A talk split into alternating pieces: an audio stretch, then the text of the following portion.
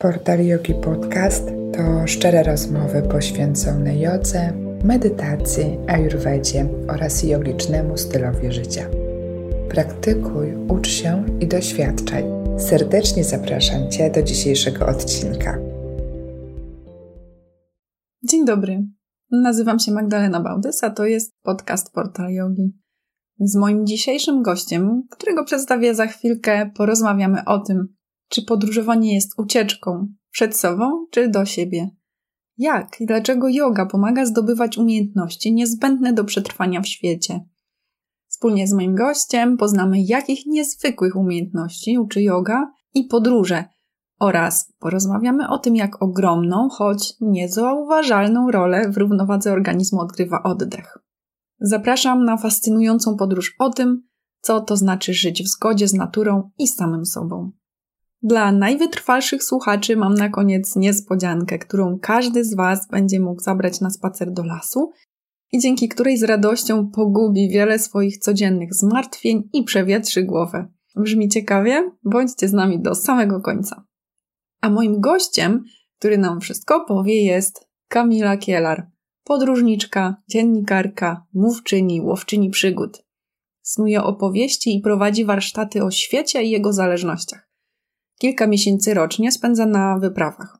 A oto kilka z jej licznych podróży. Samotnie pływała kajakiem po Pacyfiku w poszukiwaniu niedźwiedzi duchów. Zimą przejechała rowerem i na nartach biegowych kanadyjski Yukon. Przeszła liczący 5000 kilometrów szlak górski Pacific Crest Trail. Samotnie przejechała rowerem Alaskę oraz Kamczatkę. Za swoje podróże została nagrodzona Kolosem oraz nagrodą National Geographic Traveler w kategorii Podróż Roku. Jeśli interesują Cię treści, których właśnie słuchasz, koniecznie zasubskrybuj nasz kanał. Co wtorek czeka na Ciebie nowa porcja inspirującej i wartościowej wiedzy na temat jogi. A teraz zapraszam, słuchaj dalej. Witam Ciebie, Kamilo, serdecznie. Bardzo się cieszę, że tu jesteś. Cześć Magda, bardzo mi miło za zaproszenie. No, mam nadzieję, że sobie fajnie porozmawiamy o y, takim życiu trochę zgodnie z naturą, wiesz, zgodnie z sobą, o tym, czym jest wolność i w tym na pewno wątek jogi będzie sobie towarzyszył, mam nadzieję, że dość sporo, bo jogę praktykujesz y, z tego, co wiem. Jesteś podróżniczką, a właściwie to powiedz mi może sama, kim jest Kamila i jak się definiuje? O widzisz, to jest pytanie świetne i w ogóle mm, wydaje mi się, że świetne na początek też trochę w tej myśli, którą chcemy dzisiaj rozmawiać z tego względu, że ja mam z jednej strony trochę ogromny problem, żeby na szybko zawrzeć to, jak ja siebie definiuję, e, ale też dlatego zawsze mam problem, jak zawsze ktoś nie wiem, wrzuca mnie w jakieś dwie, wiesz co, działki, dwie szufladki i ja to rozumiem, dlaczego tak się dzieje. Ja rozumiem potrzebę e, definicji czy uproszczenia i tak dalej. Natomiast zawsze mam takie, że no tak, tak, to wszystko jest prawda, ale jeszcze to i jeszcze tamto i cały problem polega na tym, że to nie są tylko rzeczy, wiesz, które ja robię, takie jak, wiesz co, jak właśnie podróże, jak dziennikarstwo, jak, nie wiem, wystąpienia publiczne, jak bycie, nie wiem, liderem, jak e, byciem człowiekiem, człowiek bycie człowiekiem lasu, e, ale to są wszystko rzeczy związane nie tylko z rzeczami, które robię, ale przede wszystkim z tym, kim się czuję i z jakimiś takimi rzeczami związanymi z moją tożsamością. Dlatego mówiąc szczerze, nawet mnie samej jest strasznie trudno czasem to sklasyfikować w jakimś jednym zdaniu. Natomiast myślę, że e, każda z tych klasyfikacji jest jednocześnie prawdziwa, ale pewnie też nie, nie opowiada całej historii. Więc ja pozwoliłam sobie troszkę tak to ująć w całości dla naszego tematu, jak najbardziej, żeby było y, adekwatne. To jesteś kobietą wolną, podróżniczką, żyjącą na swoich własnych warunkach i przyciągają cię takie ekstremalne rzeczy i przygody. No i wiesz, jak to się wszystko w ogóle zaczęło, jak to się wydarzyło, że tak i skąd ten pomysł na nomadyczne życie wręcz? Co? Ech mnie się w ogóle wydaje, że to jest takie tak naturalne w moim przypadku, tak oczywiste i tak spójne ze sobą, że jeżeli pytasz mnie o jakąś taką historię zmieniającą życie, jakieś wydarzenie, które e, redefiniuje jakieś, nie wiem, wartości albo sposób życia, to nigdy czegoś takiego w moim życiu nie było, bo ja trochę w taki sposób żyłam zawsze, tylko to po prostu ewoluowało wraz z czasem, się zmieniało, rozszerzało się, rosło, stawało się dużo bardziej, nie wiem, zaawansowane. Natomiast um, wydaje mi się, że zawsze po prostu bardzo mocno miałam tą część, która wiedziała, czego ja chcę, wiedziała, gdzie mi jest dobrze e, i czasem tego nie nazywała, tak? No po prostu sobie robiłam rzeczy, które wydawało mi się, że mnie cieszą, a potem nagle w naturalny sposób to się przemieniło na jakiś sposób życia, sposób funkcjonowania, więc e, w moim przypadku to po prostu wszystko jest, e, wydaje mi się, bardzo spójne z moim charakterem i z moimi potrzebami, które kiedyś mniej świadomie, a dzisiaj dużo bardziej świadomie i dużo bardziej tak analitycznie umiem je nazwać i zobaczyć, a e, no i w związku z tym też e, też z nimi funkcjonować. Aczkolwiek w momencie, kiedy to też było czysto intuicyjnie i po prostu skupiałam się na tym, gdzie mi jest dobrze, co mi, co mi służy, e, no to to też, też działało. Aha, czyli to po prostu jest y, to naturalny wynik y, sytuacji, po prostu życia w zgodzie ze sobą trochę, nie? Tak, jak najbardziej. Bo jak.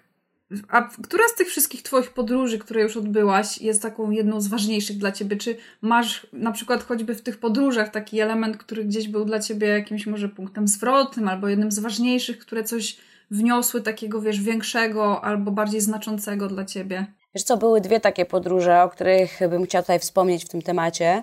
Pierwszą z nich to jest przejście samodzielne szlaku Pacific Crest Trail. To jest szlak, który ciągnie się od Meksyku do Kanady. Ma 4,5 tysiąca kilometrów, biegnie górami cały czas.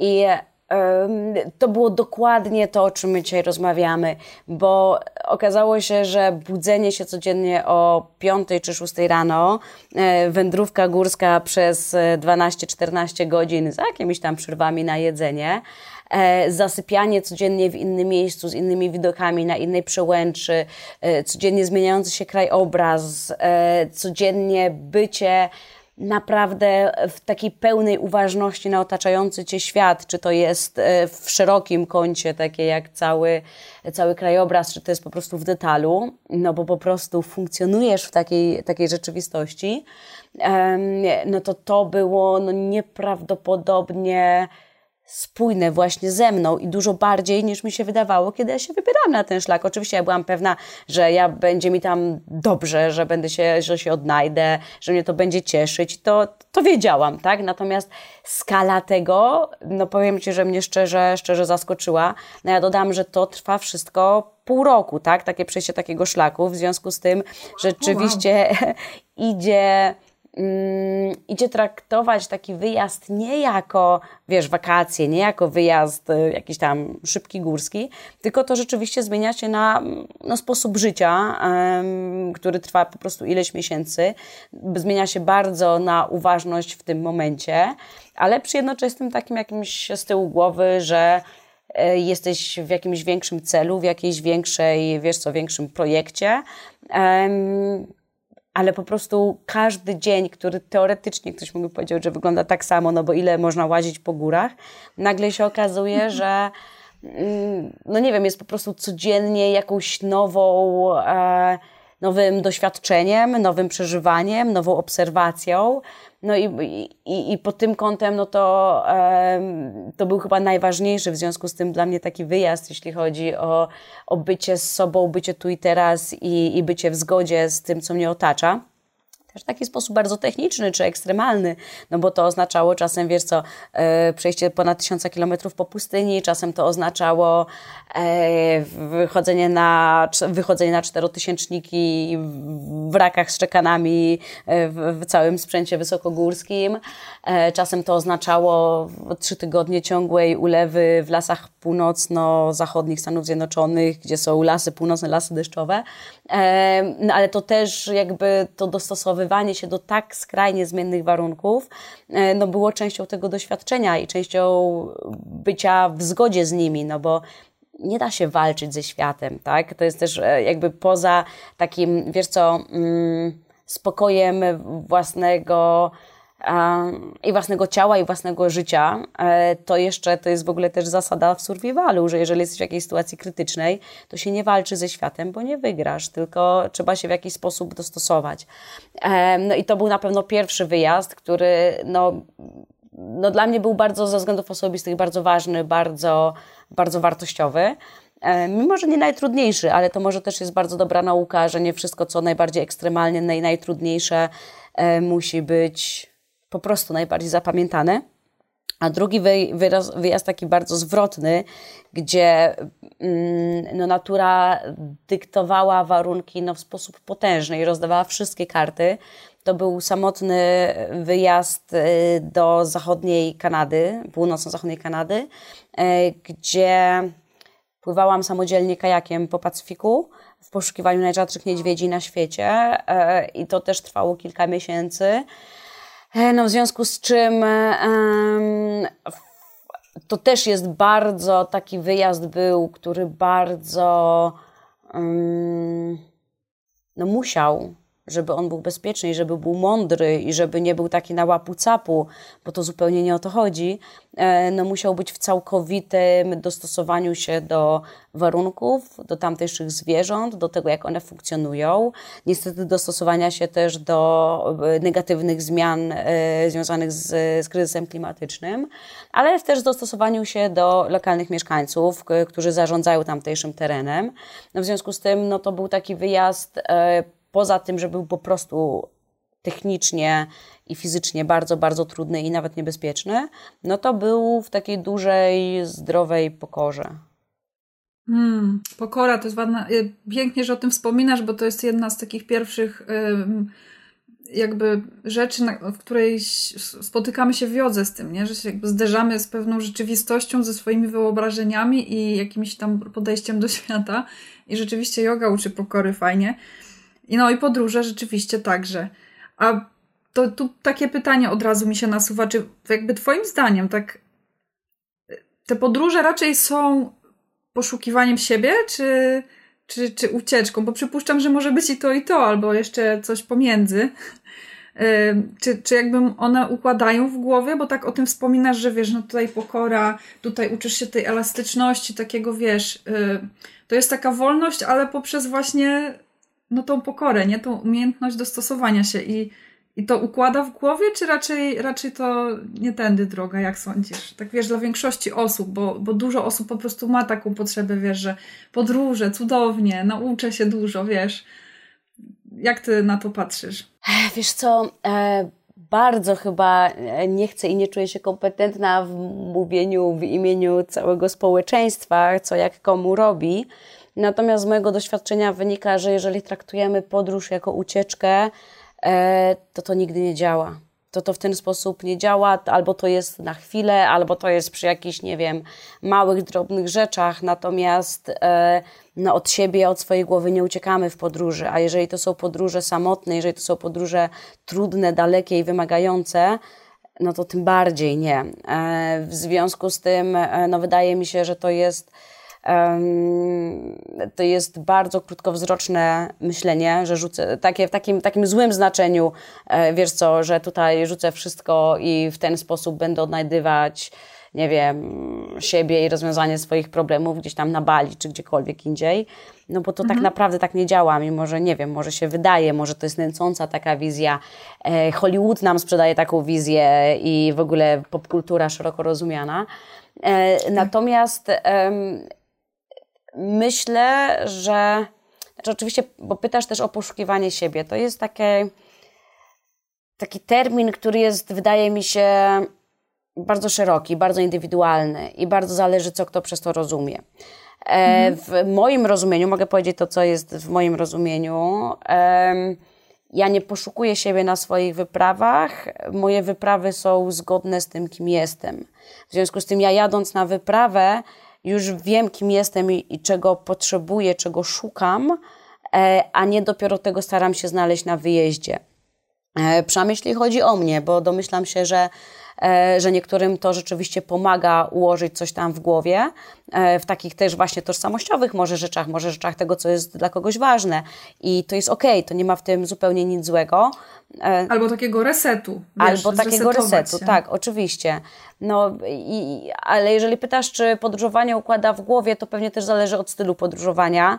Um, myślę, że sposób, w jaki właśnie ja podróżuję, czyli bardzo dużo w przyrodzie, e, bardzo dużo w miejscach, które są nieprzebodźcowane. Ja strasznie nie lubię bodźców, zwłaszcza bodźców dźwiękowych. W związku z tym um, taka cisza, która mnie zawsze otacza, jest. Um, no jest piękna ku temu, żeby właśnie się skupić na tych myślach, żeby skupić się na porządkowaniu tej głowy i ale to mi daje też przestrzeń i to, że te podróże moje są długie, bo one zwykle mają po po parę miesięcy przynajmniej. W związku z tym, mm, no to ma na to czas. Ciężko mi sobie wyobrazić, może ktoś potrafi. Ja bym nie potrafiła, ale ciężko mi sobie wyobrazić, że można wyjechać na tydzień czy dwa i tak prawdziwie sobie poukładać w głowie. Mm, odpocząć choćby, prawda? To właśnie. No ale tak często tak po prostu jest. No życie jakby wymusza trochę pewne scenariusze, jakie wybieramy w zasadzie. To wybieramy te scenariusze bardziej może niż one są wymuszone. Y, to, że jednak wiesz, pracujemy od do, y, na tydzień jakieś urlopy i wracamy z powrotem. I to takie jest y, właśnie pytanie, czy my wiemy, co tam jedziemy zrobić w tej podróży, nie? Bo to jest tak naprawdę chyba tylko bardziej odpoczynek niż jakaś tam nadzieja na zrobienie sobie tej przestrzeni w głowie. Może ona rzeczywiście powstaje gdzieś tam w tych podróżach, ale jak tak sobie czytam różne rzeczy albo słucham, to rzeczywiście mam wrażenie, że jednak podróż to jest bardziej ucieczka w siebie, jak już, a nie yy, właśnie, wiesz, yy, od świata. Jakie miejsce w tym wszystkim w ogóle zajmuje y, yoga? Czym ona może jakby w tobie w czym pomogła? Bo, bo wiem, że praktykujesz.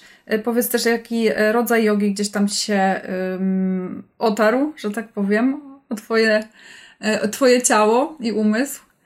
Jak to w ogóle, wiesz, czy to w podróżach pomaga, czy w jakimś znajdowaniu siebie, w takim, wiesz, byciu zgodnie, by, byciu zgodnym ze sobą, w poznawaniu siebie w ogóle, wiesz, jak ta yoga tam się znalazła u Ciebie w tym wszystkim? Wiesz co, myślę, że to znowu jest takie dość e, spójne, bo jeżeli rozumiemy jogę też oczywiście nie tylko jako zestaw ćwiczeń, ale przede wszystkim jako jakąś uważność na siebie, na swój organizm, na otaczający nas, nas świat, bo to jest to, czego ja szukam w jodze i co znajduję w jodze, nie tylko szukam, ale co, co znajduję.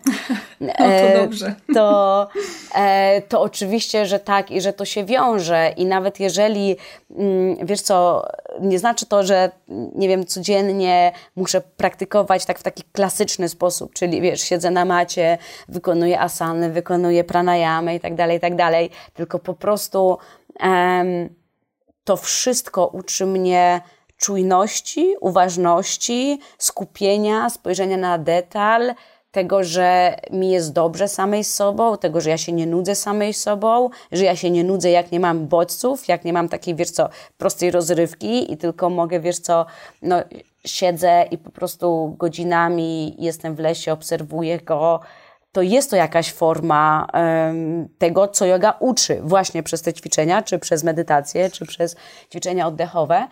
E, więc dla mnie, to mówię, to jest, jest super, e, super naturalne i, i dość... Mm, dość takie spójne ze sobą, ale jeżeli pytasz o konkrety, to ja bardzo lubię klasyczną jogę, z której też odnajduję taki spokój, e, im dłużej e, trwa się w danej asanie, tym sprawia mi to większą przyjemność. Takie nawet, wiesz co, jak czasem jest po, nie wiem, 10 minut, nie ma problemu, to jest w ogóle super. Ja to naprawdę bardzo lubię. E, w związku z tym, znaczy nigdy nie praktykowałam tych wszystkich takich super szybkich, typu, nie wiem, power yoga, czy, czy tych innych form e, takich bardzo dynamicznych, bo wydaje mi się, że to jest po prostu nie dla mnie.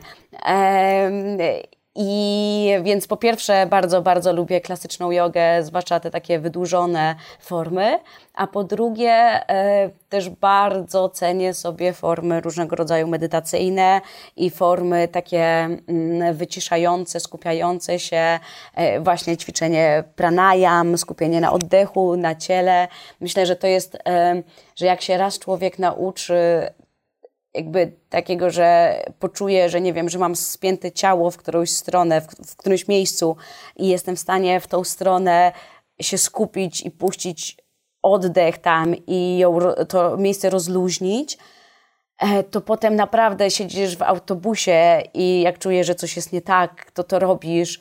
I e, chodzi mi o to, że mm, ta jakby rzeczy z jogi i zasady z jogi dla mnie nie kończą się wraz z zejściem z maty, że to nie jest takie proste, wiesz, wychodzę z salki i fajnie było, ale teraz... Yy, no nie wiem, rzucam się w wir, w jakichś tam innych rzeczy, bo dla mnie tak. to jest po prostu takie jakieś, nie wiem, super, e, super naturalne. No, bardzo też ceniłam e, w szkole jogi krakowskiej, która niestety już nie istnieje od, od paru lat, natomiast e, uwielbiałam w niej, e, oprócz jakby zajęć stricte jogicznych, była rzeczywiście e, zajęcia związane z przepływem e, i z, z emocjami, ze skupieniem na ciele, na emocjach, w różny sposób, na ekspresji tych emocji, wyrzucania ich z ciała no to to była rzecz, która mi e, bardzo dobrze robiła.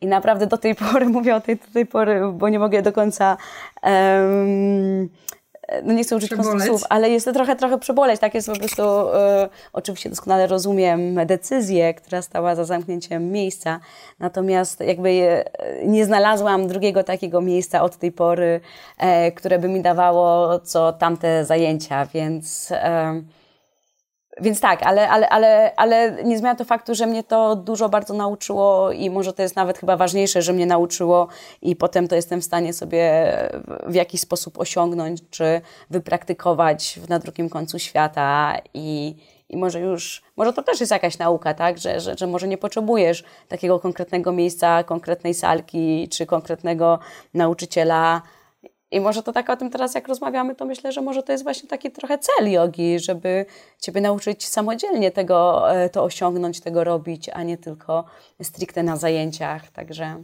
no nie zmienia miejsca, że... No tak, tak. Że tak. No, no to widzisz. Tak, tak, no znaczy oczywiście pewien etap jest taki, kiedy jesteś totalnie początkującym, to jednak dobrze jest mieć kogoś, kto cię tam poprowadzi. Przez jakiś czas musisz jednak, wiesz, być w jakimś tam systemie, ale on docelowo ma cię wypuścić jako samodzielnego człowieka, który sobie sam poradzi z tym wszystkim i, i y, użyje tego narzędzia, czy tych narzędzi jogi. Y, ale właśnie, bo wspomniałaś o tej takiej klasycznej jodze, a E, jak się zapatrujesz właśnie na inne takie, bo jeszcze jest pranajamy. Na pewno pranajamy Ci pomagają trochę w tych górskich wycieczkach, nie? Żeby troszeczkę podnieść wydolność płuc w takich warunkach. A jakieś inne, jakie formy medytacji na przykład? Czy jakąś masz konkretną y, praktykę, nie wiem, tam buddyzmu zen, czy z jakiegoś tam innej tradycji, czy jakby w którą stronę to idzie u Ciebie? Wiesz co, już Ci odpowiem. Kundalini może, tam też jest dużo takich kri i różnych medytacji, takich w ruchu nawet. Tak, to, e, to jest też, też szerokie pytanie. Mm, natomiast e, w ogóle bym jeszcze, jak mówimy o oddechu, to jeszcze jedną rzecz dodam, że ja niestety jestem bardzo, bardzo dużym psychosomatykiem i bardzo sobie własny mój organizm sobie szkodzi który właśnie odbiera jakieś rzeczy z zewnątrz, które, e, które ja potem po prostu ładuję we własne ciało. W związku z tym oddech y, używam przede wszystkim do tego, e, czyli do, e, do rozluźnienia, do, prób, do pracy nad własnym ciałem, pracy nad spięciem własnego ciała, nad reakcjami autoimmunologicznymi i tak dalej, więc staram się to rzeczywiście tym oddechem i medytacją właśnie też kontrolować. I jest to dla mnie pierońsko ważne, e, bo to są rzeczy takie, które naprawdę mm, bywają na dużą skalę e, i bardzo mi, mi rzeczywiście i yoga, medytacja i oddechy e, prowadzone bardzo dobrze w tym pomagają. Natomiast jeżeli pytasz w ogóle o formy medytacji, to, to tu są różne. Ja nie, nie jestem e, jakąś, e, nie wiem, ortodoksyjna, jeśli chodzi o to, że to musi być, nie wiem, jedna dana medytacja. Um, Zaczynałam oczywiście od wszelkiego rodzaju medytacji, jakichś tam, e, czy prowadzonych, czy skupionych, natomiast najbardziej rzeczywiście mi działają te w skupieniu na ciało i na kolejnych częściach ciała i na pracy nad nimi, tu i teraz.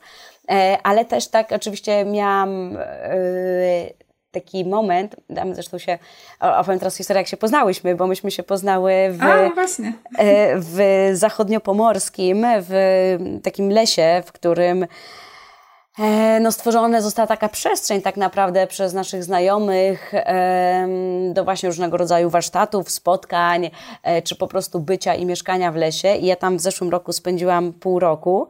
E, no i to było absolutnie niesamowite doświadczenie e, w takiej naprawdę mieszkania we wsi, do której nie prowadzi żadna bita droga. E, na końcu świata. Na końcu świata 10 domów na krzyż jest i to jest absolutnie wszystko. No ale wśród tych 10 domów okazało się, że mieszka tam Ewa, która jest instruktorką jogi kundalini. Ja nigdy wcześniej nie miałam do czynienia z jogą kundalini, to był mój pierwszy raz. I mówiąc szczerze, nie wiedziałam wtedy w ogóle, z czym się je kundalini. natomiast, e, natomiast jakby od pierwszego razu e, bycia tam na tych zajęciach u Ewy, w tym środku lasu, co to jest jakby, e, no było dość niesamowite, tak? Bo to jest, to jest miejsce, które jest takie no, dość zaskakujące, jak na to, że tutaj będziesz miała mieć salkę do jogi. To Dokładnie. Się... Tego byś się nie spodziewała na końcu świata, zdecydowanie nie. No w ogóle, tak? E, natomiast okazało się, że e, ta yoga kundalini prowadzona w tym konkretnym miejscu przez tą konkretną instruktorkę, no była znowu jakaś tak naturalna, dużo bardziej pewnie niż gdyby to była, nie wiem, jakaś inna forma aktywności czy inna forma jogi. E, I to też mi bardzo dobrze, dobrze robiło. Tamtejsze medytacje, one są dość krótkie, e, w sensie one są dość krótkie, mm, no bo czasem potrafią mieć no, tylko po tam, nie wiem, e, kilka czy kilkanaście minut, e, aczkolwiek na przykład z osobami, które tam poznałam, spotykałyśmy się potem w swoim gronie, puszczałyśmy sobie ulubioną taką muzykę w tle medytacyjną, no i siedziałyśmy przez godzinę i I zważywszy na to jeszcze, że ja wtedy mieszkałam e, w takiej, no w stajni, nawet dosłownie w stajni, która była przerobiona, góra stajni była przerobiona na, e, na pokój i myśmy tam na przykład siedziały wieczorami i, i spotkały się tylko na to, żeby pocieszyć, posiedzieć w ciszy, w medytacji przez godzinę no to naprawdę trudno sobie wyobrazić o bardziej perfekcyjne miejsce do tego, żeby się skupić na tym, co robisz, na tej czy medytacji, czy tym oddechu. Tam nie było, nie ma zasięgu, do mojej stajni nie dolatywał internet, więc naprawdę no... Mm,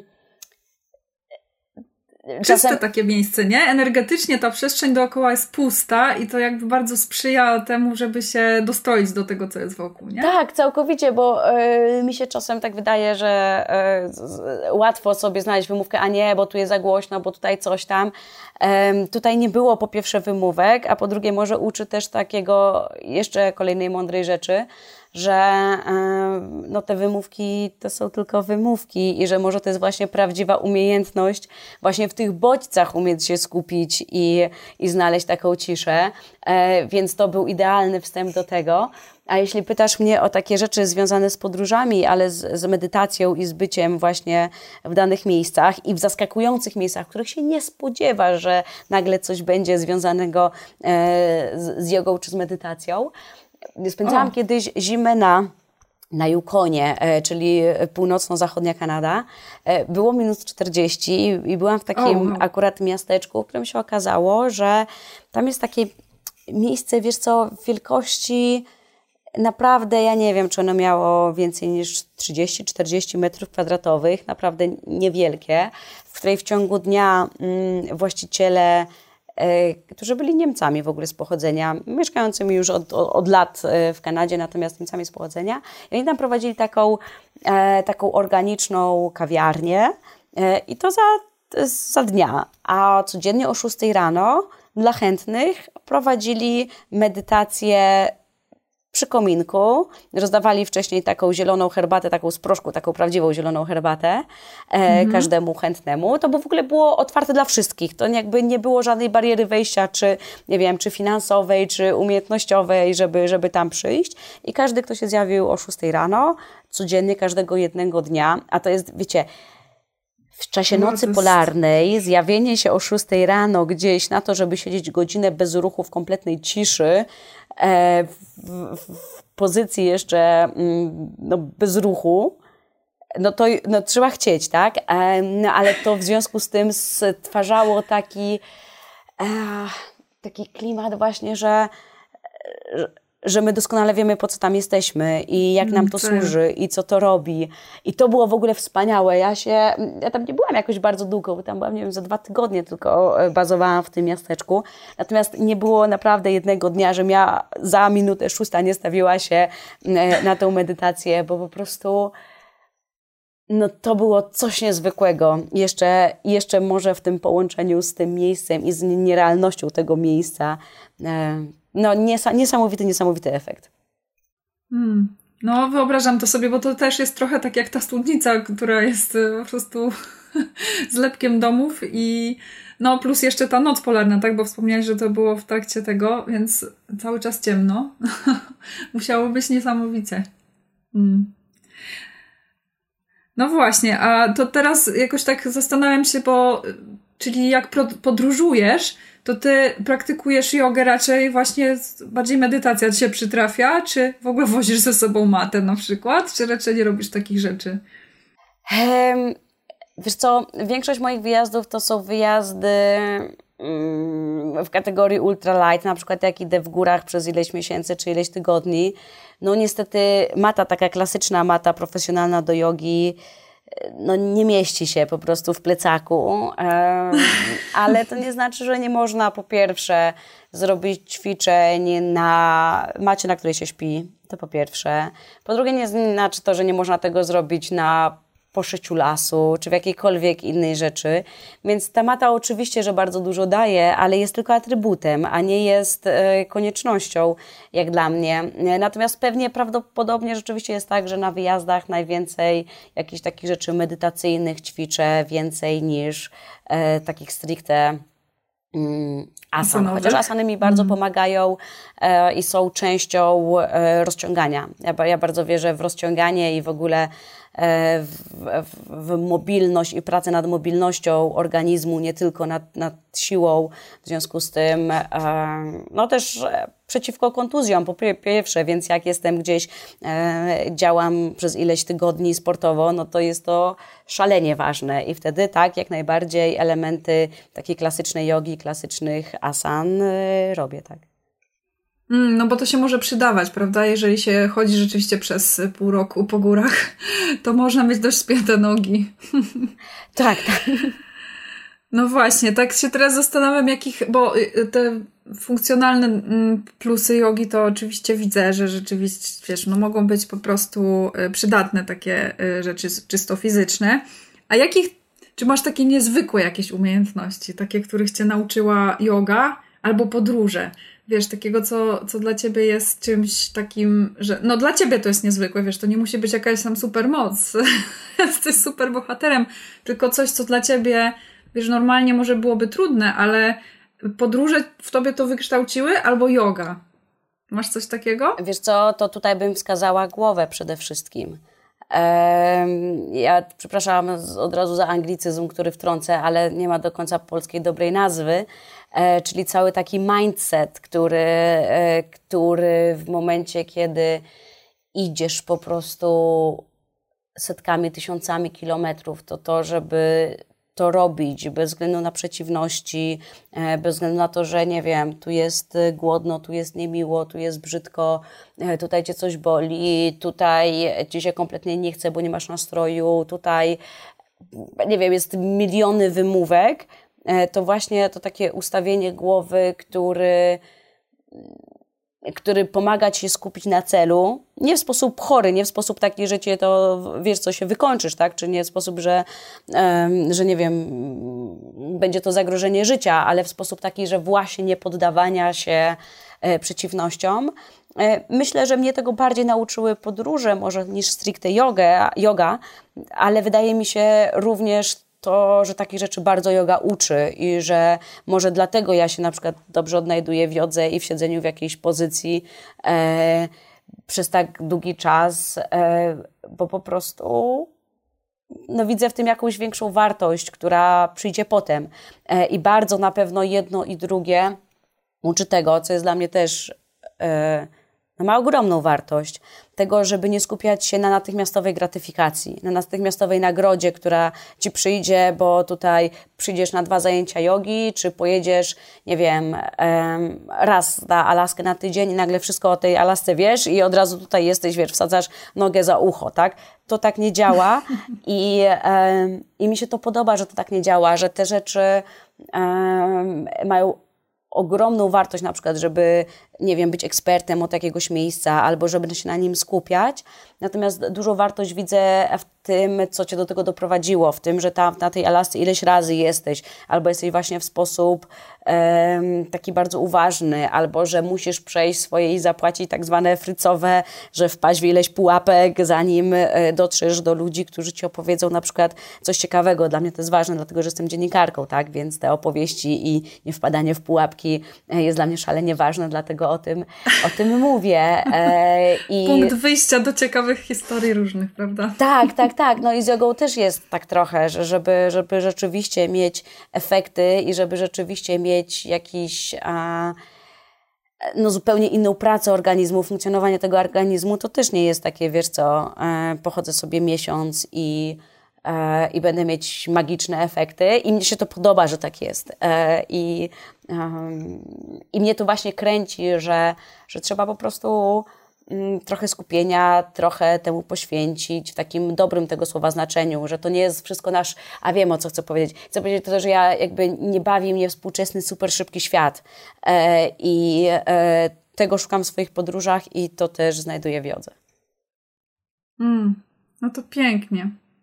A jak w tych swoich podróżach właśnie, y, one oczywiście są wymagające pod względem fizycznym i, i potrzebujesz mieć różne, wiesz, jakieś takie specjalne z, umiejętności i yoga ci je pomaga rozwijać w ogóle.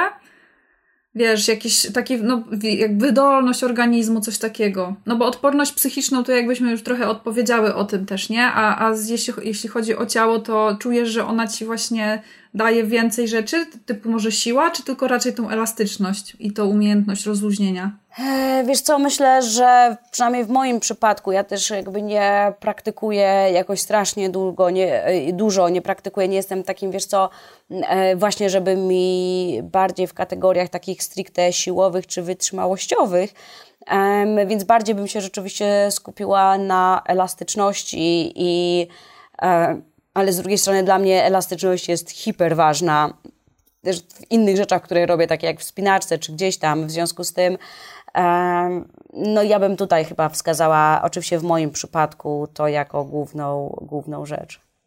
No widzisz, to dobrze się składa, bo akurat jaką jogę byś e, nie wzięła, to każda tą elastyczność jednak poprawia. Więc e, plus. A powiedz mi tak, to już tak trochę zejdę z tematu tej jogi, bo trochę sobie o niej porozmawiałyśmy, a chciałam też jeszcze wrócić do tej natury. Wiesz, co to dla ciebie w ogóle znaczy zgodnie z naturą? Bo to też można różnorako rozumieć. Um, wiesz, um, bo jakby co to w dzisiejszych czasach oznacza zgodnie z naturą? Bo dla ciebie to jest bycie trochę tym człowiekiem lasu, nie? Ale ktoś sobie może pomyśleć, ej, dobra, ale w sumie nie musimy się wracać do średniowiecza i chodzić po lesie boso, bo to już jest XXI wiek, wiesz o co chodzi. I, i jakby, jakie jest twoje rozumienie tego i czy to w ogóle się jakoś ewoluuje, ewoluuje e, z czasem, to, to pojęcie bycia z naturą, wiesz, o co, o co w tym chodzi, tak jakby twoim okiem? Czy myślę, że współczesny świat e, poza bardzo wyjątkowymi sytuacjami trochę nam wyeliminowuje taką prawdziwe bycie i funkcjonowanie w naturze, że E, to jest fajna iluzja, e, ale w momencie, kiedy ktoś, nie wie, mm, się tego stara, natomiast no jest praktycznie niemożliwe całkowicie się od tego odciąć, poza, tak jak mówię, w jakimiś tam wyjątkowymi sytuacjami. I też nie ma w tym nic złego. W sensie chodzi mi o to, że to nie jest tak, że, e, że nie wolno używać komórki albo coś w tym stylu, bo zupełnie nie. Ja takich rzeczy też nie robię. Um, ale tak jak mówię, no wydaje mi się to też w ogóle jakąś pewnego rodzaju w dzisiejszych czasach iluzją, że tak może być.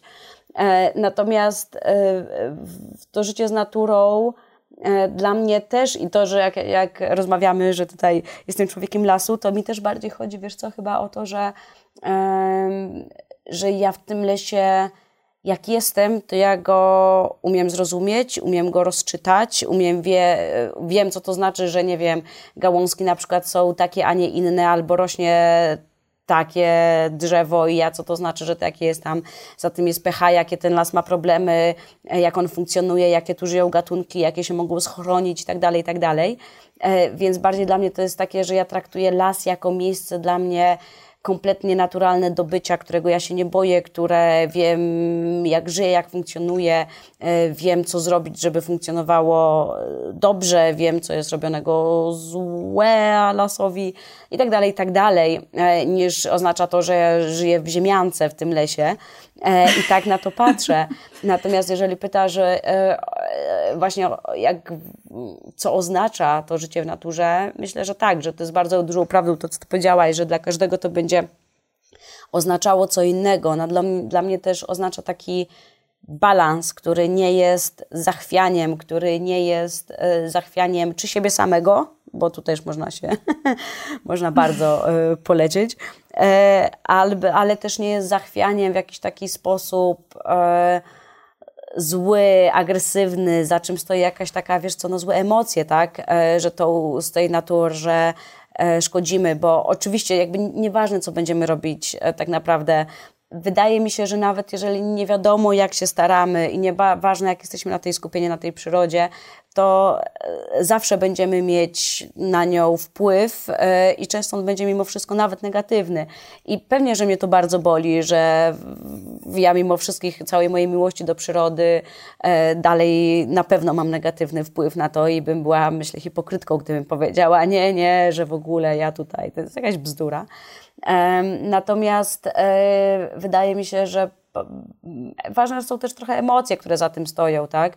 E, że to są, to nie ma za tym jakichś takich um, złych emocji w ogóle w stosunku do przyrody, że to są rzeczy, które czasami są po prostu, e, nawet jeżeli są szkodliwe, to są wypadkowe, tego, że tak nie można w tej chwili funkcjonować już inaczej, albo tego, że mm, jesteśmy w takim miejscu, albo musimy podjąć taką decyzję, albo że jest to rzecz, która nam dużo daje i, i czasem to ma rzeczywiście negatywny wpływ na las, natomiast na las, na przyrodę.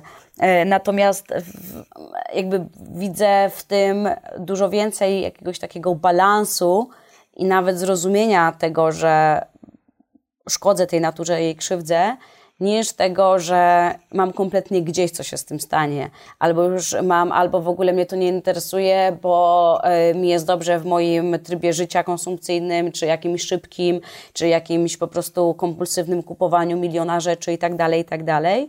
E, a do tego jeszcze dochodzi cały pakiet E, naprawdę związanych ze złymi emocjami, związany z ogromną ignorancją, związany z ogromną niewiedzą, której się nie da usprawiedliwić, tak? Jakby dzisiaj się e, nie da e, usprawiedliwić tego, że o, ja nie wiedziałem, tak? Że, że coś tam szkodzi. No, mm, typu mówię, a tutaj wytnę 5 hektarów lasu i pierwsze słyszę, że to może być zły pomysł, tak?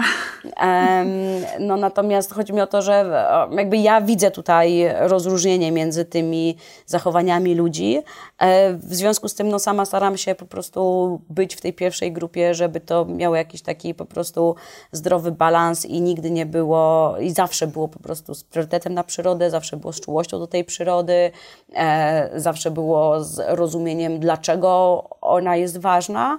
I e, staram się po prostu nie stawiać siebie i swojego życia w centrum natury i albo jako coś wyższego, coś lepszego, tylko jako coś, co po prostu jest częścią taką samą składową jak, jak wszystko inne, w związku z tym e, patrzeć całościowo, patrzeć holistycznie, e, a nie tylko i wyłącznie przez swój pryzmat czy pryzmat e, antropologiczny. Właśnie Czy to tak ma sens, co powiedziałam dla ciebie? Y, Że, że ta pokora chyba jest tu bardzo ważna w tym wszystkim, co mówisz, bo jeżeli ty się nie, nie zobaczysz jako część tej przyrody, nie, nie, nie będziesz mieć tej pokory właśnie, że jakby okej, okay, wszystko dookoła mnie jest równie ważne, no to to się w ogóle nie wydarzy, żeby ta świadomość się pojawiła w ogóle pewnych y, rzeczy i tego wpływu właśnie, o którym mówisz, negatywnego. Tak sobie mam teraz taką konkluzję z tego. Um, no okej, okay. a powiedz mi tak, to co w takim razie zrobić, tak jaką byś miała radę, żeby żyć zgodnie po prostu z tą naturą i ze sobą? Co, co, co jaki, jaki krok podjąć pierwszy? Co, co, co, co zrobić, żeby to się zadziało po prostu? Pierwszy krok, bardzo, bardzo ważny, częściej przebywać w tej przyrodzie. E, I to może wydawać się takie głupiutkie troszeczkę, natomiast e, nie jesteśmy w stanie nie jesteśmy w stanie chronić i mieć uważności i mieć właśnie widzenia przyrody, czy czegokolwiek innego, ale teraz rozmawiam o przyrodzie. I nie możemy, jakby nie będziemy mieć chęci chronienia i czułości tej rzeczy w momencie, kiedy nie będziemy jej kochać. A nie będziemy jej kochać, jeżeli nie będziemy jej znać, jeżeli nie będziemy mieć o niej wiedzy, jeżeli nie będziemy z nią przebywać. To jest tak samo jak z ludźmi, czy z jakimikolwiek innymi rzeczami. Natomiast wydaje mi się, że dużo łatwiej e, jakby to zrozumieć i dużo łatwiej pokazać te procesy, czy samemu zrozumieć te procesy, bo to nie chodzi o to, że ktoś ma nam zrobić tutaj wykład, ale po prostu, że możemy sami odkryć te procesy, będąc w tej przyrodzie, zabierając w tę przyrodę koniecznie nasze dzieci. Jakby są też w ogóle takie, jak już schodzimy na poziom bardziej naukowy, to są takie badania, które pokazują, że rzeczywiście dzieci chowane w dobrej edukacji przyrodniczej e, i w jakiejś, nie, nie tylko edukacji, ale w takim po prostu byciu w lesie, może edukacja to jest takie mocne słowo, natomiast w takim byciu w lesie e, w kompletnie inny sposób potem traktują tą przyrodę i traktują konsumpcjonizm za dorosłego. Więc jeżeli ktoś słuchaczy czy słuchaczek ma e, swoje dzieci, to to jest w ogóle świetna rzecz, o której nie wolno zapominać według mnie. E, no i, i samemu. I myślę, że efekt no, będzie niezwykły. Czasami rzeczywiście słyszę takie relacje ludzi, że nie wiem, od pięciu lat nie byli na wycieczce w lesie, nawet takiej półdniowej, no to jak oni mają zrozumieć, dlaczego, czy, na czym polega e, balans życia w przyrodzie? Jak mają zrozumieć, dlaczego wycinka lasów masowa, nieprzemyślana jest zła? Skąd mają zrozumieć, e, jak działa CO2 i jak działa e, stary las? Dlaczego potrzebujemy starych lasów, a nie jakichkolwiek zasadzonych, nie wiem, młodników, tak? I dlaczego ta wartość jest kompletnie inna? Więc myślę, że e, przebywanie po prostu w przyrodzie budzi w bardzo naturalny sposób, budzi naturalną chęć wiedzenia więcej e, i że potem to samoistnie mm, spowoduje, że my chętnie sięgniemy po na przykład książki o przyrodzie, czy pojedziemy na jakieś warsztaty leśne, czy pojedziemy, no nie wiem, e, potem na wakacje zamiast do jakiegoś wielkiego kurortu, to pojedziemy właśnie, mm, nie wiem, w Bory Tucholskie w tym lesie posiedzieć. I myślę, że to jest jakby chyba najważniejsze, żeby po prostu zacząć tą przyrodę w niej bywać i ją dostrzegać i traktować ją jako wartość. No, my w tej chwili rozmawiamy w momencie, kiedy ja w ogóle jestem w Laponii e, i mm, to jest w ogóle też fajne, fajne miejsce do takiej rozmowy z tego względu, że no, w krajach nordyckich e, bardzo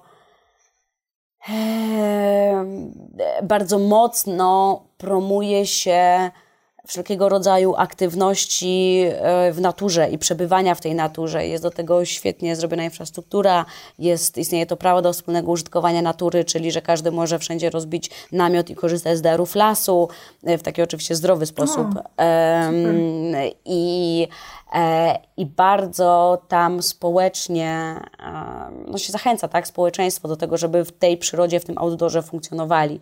Więc teraz rozmawiając z Tobą i patrząc przez okno na piękny las e, zawalony śniegiem, który mam za oknem, mm. no dużo łatwiej mi się chyba rozmawia na takie tematy niż z jakiegoś, wiesz, blokowiska. E, no i to właśnie się staram przekazać w tej może przydługawej odpowiedzi na twoje pytanie.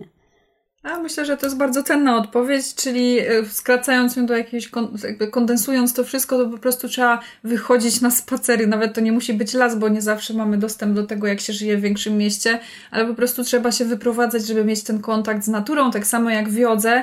E, chodzi o to, żeby mieć ze sobą kontakt, nie? I to jest to odbudowywanie często, no w dzisiejszych czasach jest to niestety często odbudowywanie tego kontaktu lekko y, utraconego albo jakiegoś tam dysfunkcyjnego.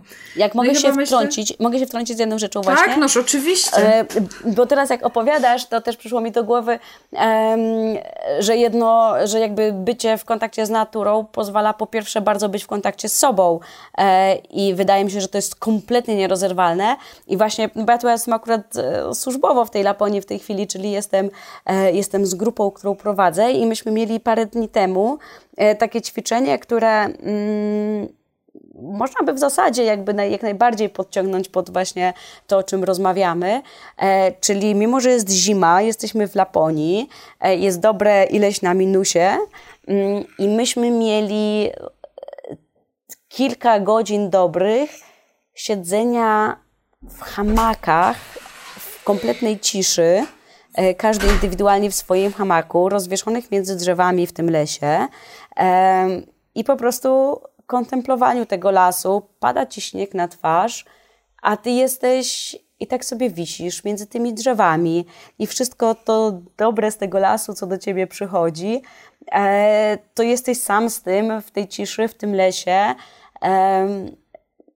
Zmarzniesz za bardzo, przychodzisz do ogniska, rozgrzejesz się, wracasz do hamaku i dalej jest ta idealna cisza i jesteś w tym miejscu. I to jest niesamowite to, bo my oczywiście możemy rozmawiać o moich podróżach i tak dalej, natomiast one są takie bardzo e, świadomym e, wyborem. Natomiast jak jestem z klientami, czyli, e, czyli z ludźmi, którzy na, na co dzień nie mają kontaktu z takimi przeżyciami, to dla nich to jest naprawdę bardzo duży szok i potem oni, niesamowite jest to, jak schodzą z tych hamaków, wiesz, e, i bardzo możliwe, że to było dla nich pierwszego rodzaju tego typu doświadczenia, albo jedno z niewielu, i po prostu mają tak po prostu jakby rozpuszczone wiesz co, twarze w takim znaczeniu, że bez napięć i są tacy jacyś, wiesz, naprawdę się 3 centymetry nad ziemią unoszą z tego, z tego wszystkiego i to jest niezwykłe, mimo że by wydawało się, że to ćwiczenie nie polega na niczym, na tylko na leżeniu w hamaku zimą w lesie i nagle po prostu robi się coś niezwykłego i e, i to chyba trochę też pokazuje, jak bycie w, w skupieniu na naturze pomaga być w skupieniu na sobie samym. Pięknie to w ogóle powiedziałaś i super też bym tak chciała w tym hamaku. Hmm. Ja przypuszczam, że to też trochę jakiś inny stan świadomości się wtedy, yy, wiesz, inaczej zaczyna pracować umysł, mózg wytwarza inne fale też, nie? I to, no dobrze, to dziękuję Ci wspaniale. To jest naprawdę super odpowiedź i życzymy sobie yy, chyba wszyscy tego, żeby tak umieć się wychillować yy, i zespolić z tą naturą i po prostu, no, poznać ją dobrze po prostu, tak? Poznać ją, poznać siebie. Mam nadzieję, że to się e, wszystkim będzie, będą w stanie to po prostu zrobić też samodzielnie. Mogą sobie pomóc. Jak najbardziej jogą i medytacją. Tego życzymy. To jest chyba najfajniejsze, że to można zrobić całkowicie samodzielnie, że nie trzeba do tego tak. jakichś nie wiadomo jakich, nie wiem, umiejętności czy potrzeb. Także bardzo, bardzo przyłączam się do zachęcania do tego, żeby to robić właśnie. Tak jest. Dziękuję Ci. Moim gościem była Kamila Kielar. Dziękuję Ci jeszcze raz pięknie za przyjęcie tego zaproszenia. Z dużą przyjemnością, naprawdę, i bardzo dziękuję Ci za piękną rozmowę. Dzięki. Do zobaczenia. Na koniec obiecana niespodzianka. Zapraszam Was, drodzy słuchacze, na niezwykłą chodzoną medytację podczas spaceru. Wyjdźcie do lasu, parku lub po prostu na świeże powietrze. A tak właściwie nie ja Was zapraszam, a Kacper Matuszewski, nauczyciel w studio Portal Yogi, która jest największą w Polsce platformą online z jogą, medytacją i pilates. Medytacja pochodzi z 30-dniowego wyzwania Nowy Początek, które pomaga w nauce budowania zdrowych i trwałych nawyków. Jeśli macie ochotę dołączyć do tego wyzwania, serdecznie zapraszamy. Pamiętajcie, że słuchacze podcastu Portal Yogi mają specjalny kod zniżkowy minus 50% na pierwszy miesiąc subskrypcji. Aby z niej skorzystać, wejdź na stronę www.portalyogi.pl, wybierz plan miesięczny i wpisz kod zaczynam. Więcej o studio dowiesz się na stronie, a link do niej znajdziesz także w opisie odcinka. Zapraszam teraz na medytację. Witaj serdecznie. Dziękuję za to, że mogę wyruszyć z Tobą w ten spacer. Nazywam się Kacper i zabiorę Cię w podróż pełną uważności, a Ty zabierz mnie ze sobą. Na spokojnie, zanim wyruszymy, weź głęboki wdech i długi, spokojny wydech.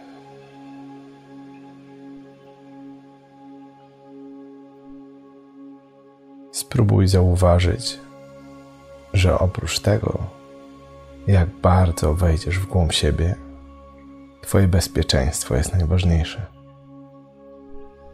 Słuchając mojego głosu, wsłuchuj się też w otoczenie. Staraj się na zbyt długo nie zamykać oczu, nie odpływać, ale utrzymać aktywnie świadomość tego, gdzie jesteś.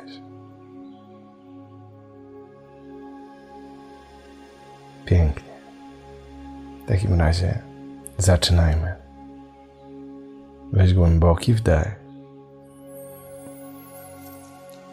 I z wydechem rozpocznij swoją podróż, swój spacer, swoją wędrówkę. Gdziekolwiek by nie była. W mieście, w lesie, nad morzem czy w górach. A może po prostu chodzisz po swoim mieszkaniu, po swoim domu. Gdziekolwiek by to nie było, rozpocznij od skupienia na oddechu. Wdech nosem i długi wydech nosem. Spróbuj wydłużać wydech, ale nie zmuszaj się do niczego. Jeżeli oddech nosem jest dla ciebie zbyt trudny, próbuj brać wdech przez nos i robić wydech ustami.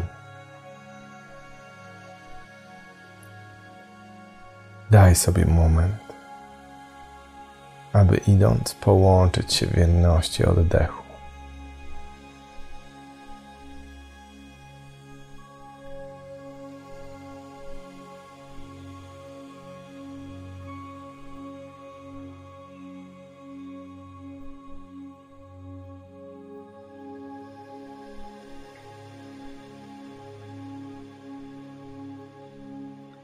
Nie śpiesz się. Odnajdź swoje tempo. Znajdź swój rytm.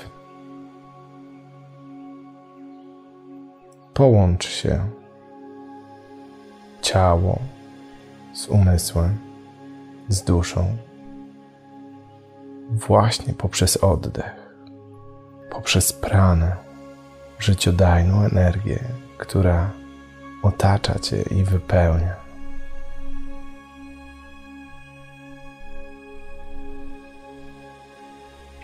oddychaj. Spokojny wdech i długi wydech.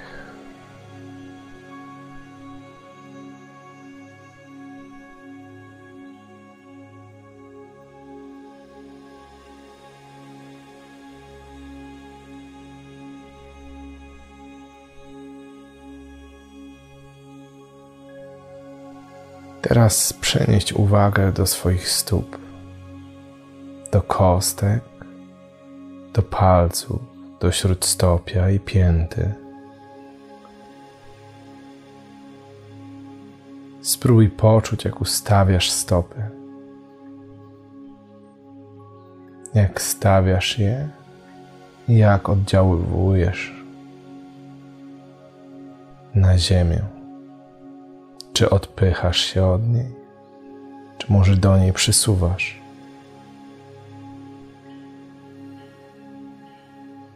Oddychaj i połącz swoje kroki właśnie z oddechem, z absolutną świadomością. Lewa, prawa, lewa, prawa. Możesz nazywać swoje kroki w myślach. Zobacz, co dzieje się z Twoją równowagą i utrzymaj skupienie stóp, kroków i oddechu.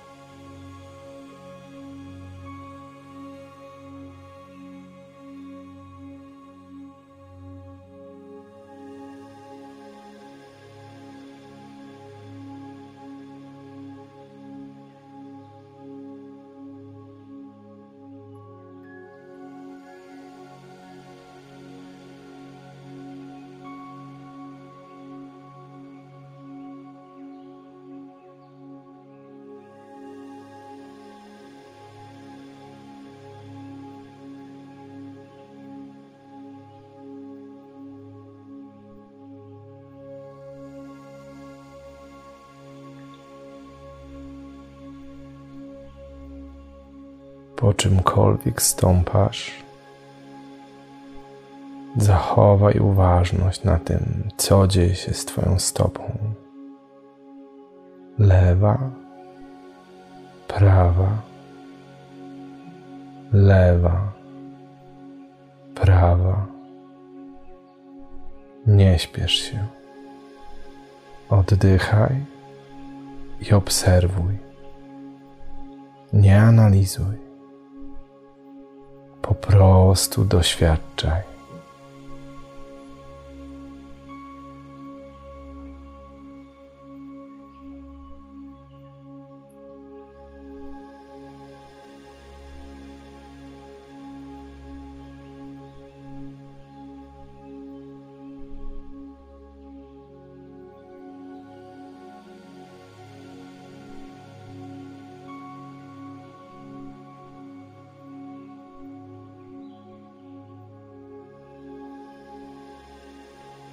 Powoli przenieś uwagę do zmysłu wzroku.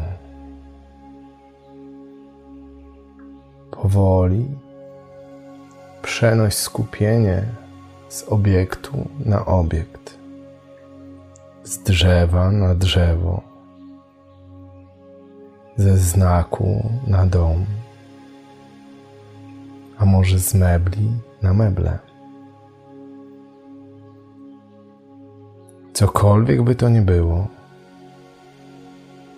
rób to uważnie, spokojnie i spróbuj wpatrywać się w szczegóły każdego obiektu, na który spojrzysz.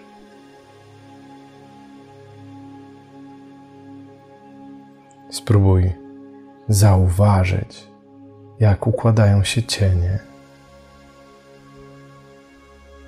jakiej struktury jest powierzchnia danego przedmiotu.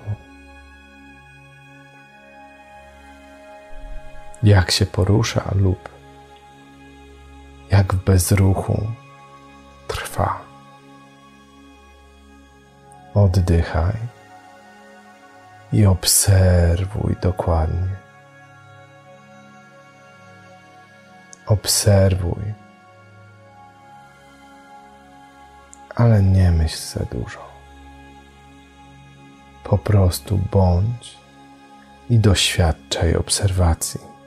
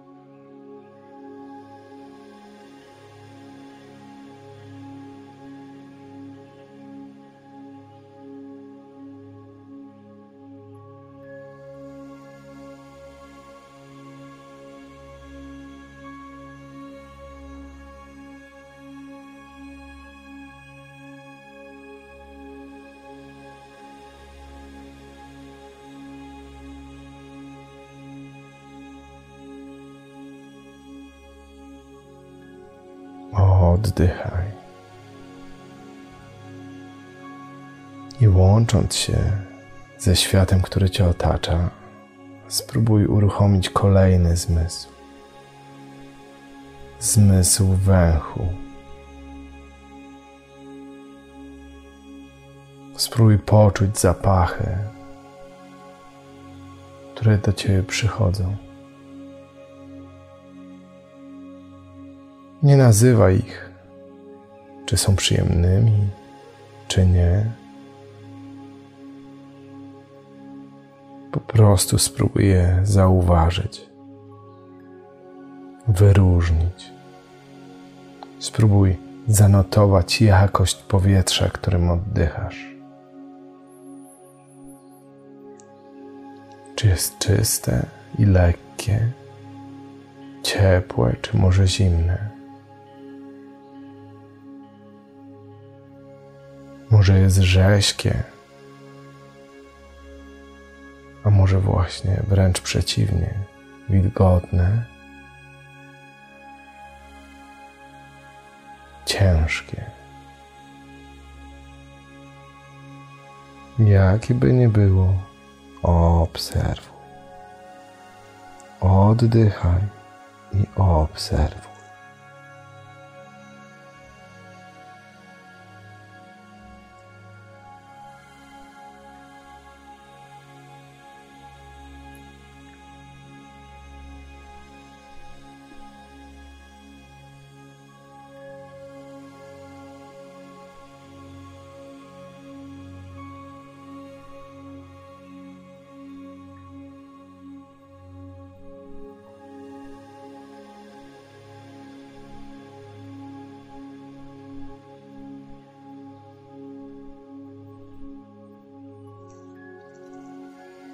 Teraz zatrzymaj się na spokojnie.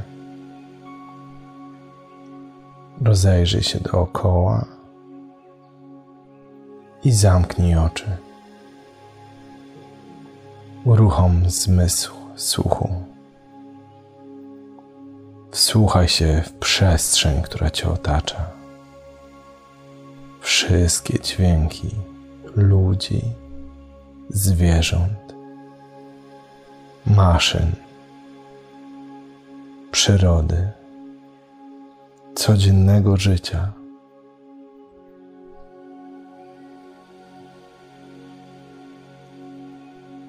Spróbuj usłyszeć te dalekie dźwięki. Hen w oddali.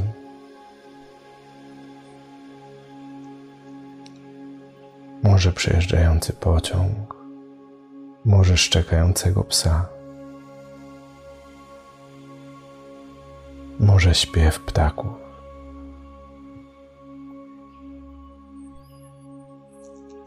Weź pełny wdech i z kolejnym wydechem przenieś uwagę bliżej siebie, w swoje najbliższe otoczenie. Może usłyszysz przychodzących ludzi, przejeżdżające samochody, Może usłyszysz dźwięki kapiącej wody w kranie, odgłosy życia codziennego.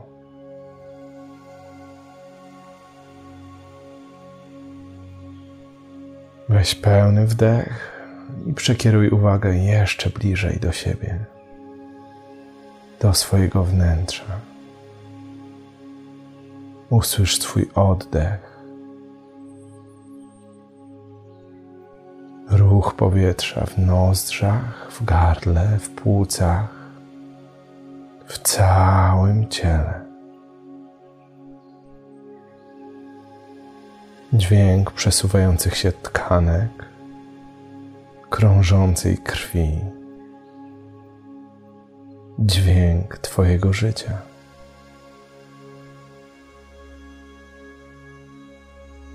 Pozostań z nim na chwilę.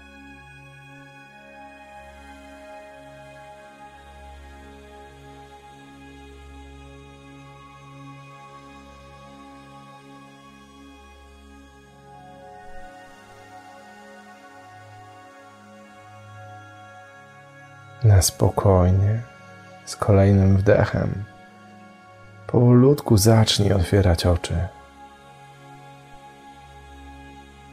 Powracać pełni świadomości, spokoju i bezpieczeństwa. Jeżeli masz ochotę, kontynuuj spacer pełen uważności.